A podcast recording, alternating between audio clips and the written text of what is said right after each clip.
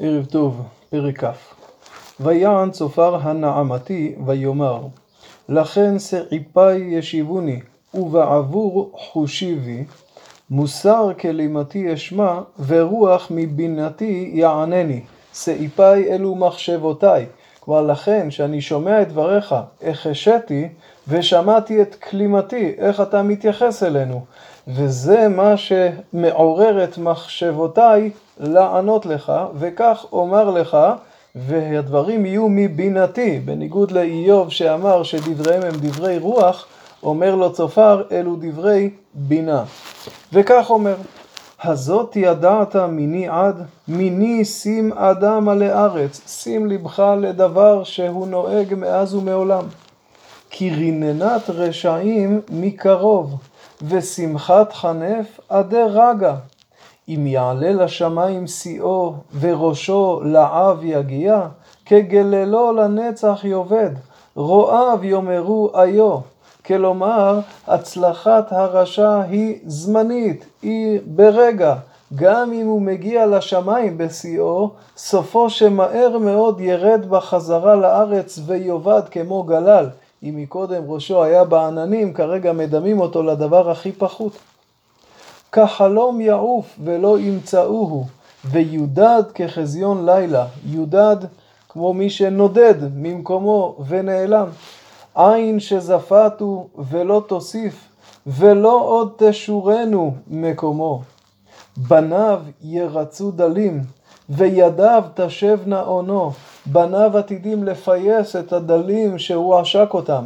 ידיו שלו עצמו יחזירו את כל כוחו, כלומר את כל מה שהוא חמס והתעשר ממנו.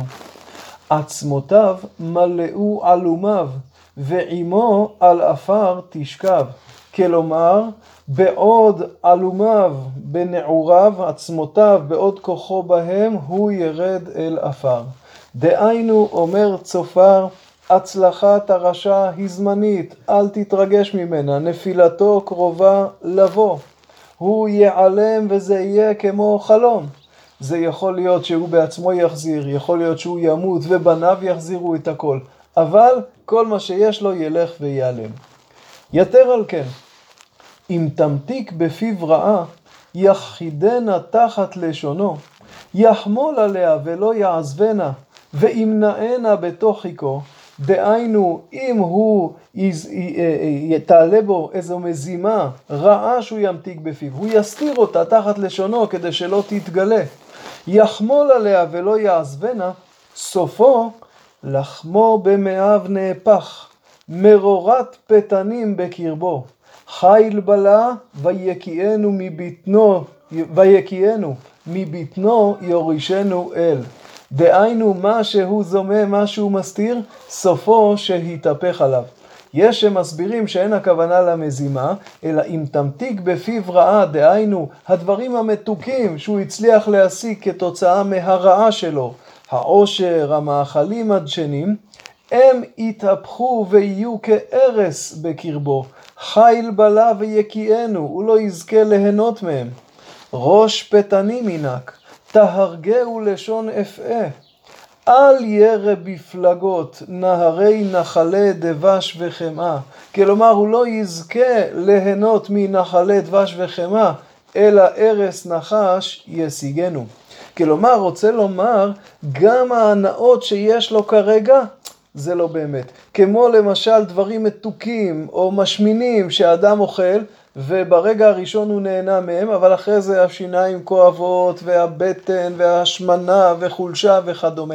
כך גם הרשע, בעוד הוא נהנה כביכול מכל תוצר הרשע, הרשע שלו, כבר עכשיו סופו להקיא את זה, סופו שזה יתהפך לו להרס, או בגלל שהוא לא יכול ליהנות מזה כי הוא חושש מהנקמה, או כי הוא כל הזמן יודע איסורי המצפון וחלים אותו, או כי הוא יודע שסופו שלקבל את גמולו בראשו.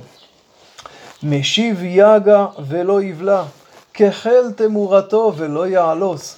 דהיינו, מה שהוא יגע עליו ולקח במרמה, הוא ישיב, הוא לא יבלע, הוא לא יעלוס, הוא לא ישמח בזה. כי ריצץ עזב דלים, בית גזל ולא יבנהו, הוא ריצץ את מעזיבת הדל, מעזיבה זו התקרה, הוא גזל את ביתו. וכיוון שכך, גם הוא, מידה כנגד מידה, יאבד את מה שלו. כי לא ידע שלו בבטנו, בחמודו לא יהיה מלט. אין לו שלווה, כי כשהוא ממלא את בטנו, הוא רוצה עוד ועוד ועוד, ולכן לרגע אין שלווה לרשע. אין שריד לאוכלו, על כן לא יכיל טובו, דהיינו ממה שהוא אוכל כרגע, לא יישאר לו כלום בעתיד. במלוא צפקו יצר לו, כל יד עמל תבואנו, כשהוא ימלא את אהבתו, די סיפוקו, סופו שהעמל, זה שסבל ממנו, יחזיר לו ויפגע בו. יהי למלא בטנו, ישלח בו חרון אפו, וימטר עלמו בלחומו. כשהוא ימלא את בטנו ויחשוב שמצבו הכי טוב שיכול להיות, אז יפגע בו חרון אפו של הקדוש ברוך הוא.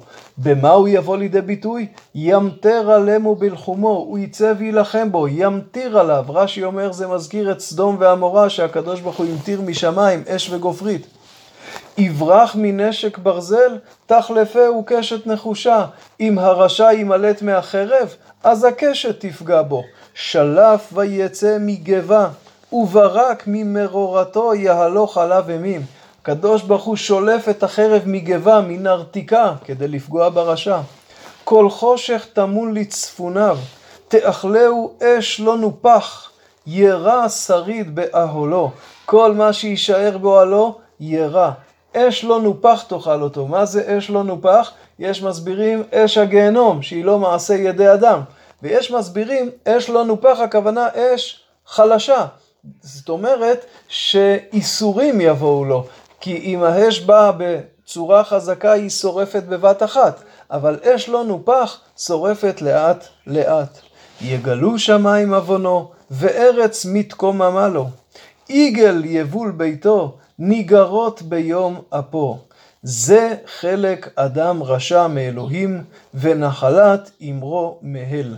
כך מסיים צופר את נאומו, ובעצם מסיים את תפקידו בספר, כי אותו לא נשמע שוב. זה חלק אדם רשע, זה גורלו של האדם הרשע, וזה מה שהוא יקבל בסופו של דבר מריבונו של עולם.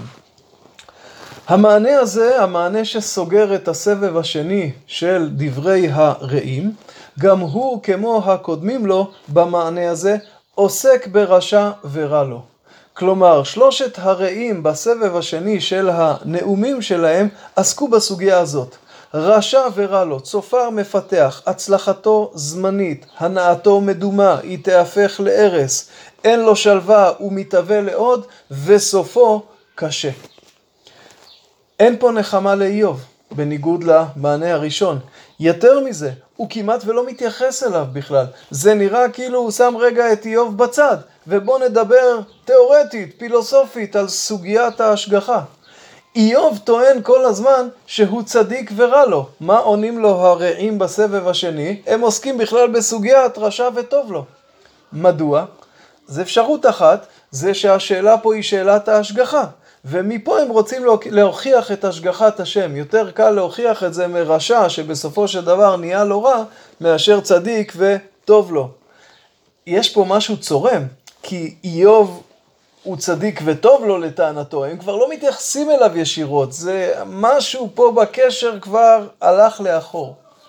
לחילופין, יכול להיות, כפי שאמרנו, שאיוב הפך בעיניהם לרשע.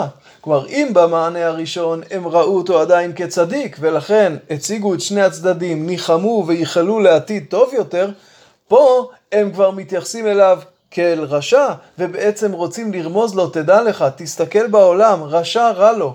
כנראה שגם אתה, אם כל זה קרה לך, היית רשע ולא צדיק. ואיוב בפרק הבא יענה לטענתם זו, ובעצם ישיב לשלושתם ביחד. ערב טוב.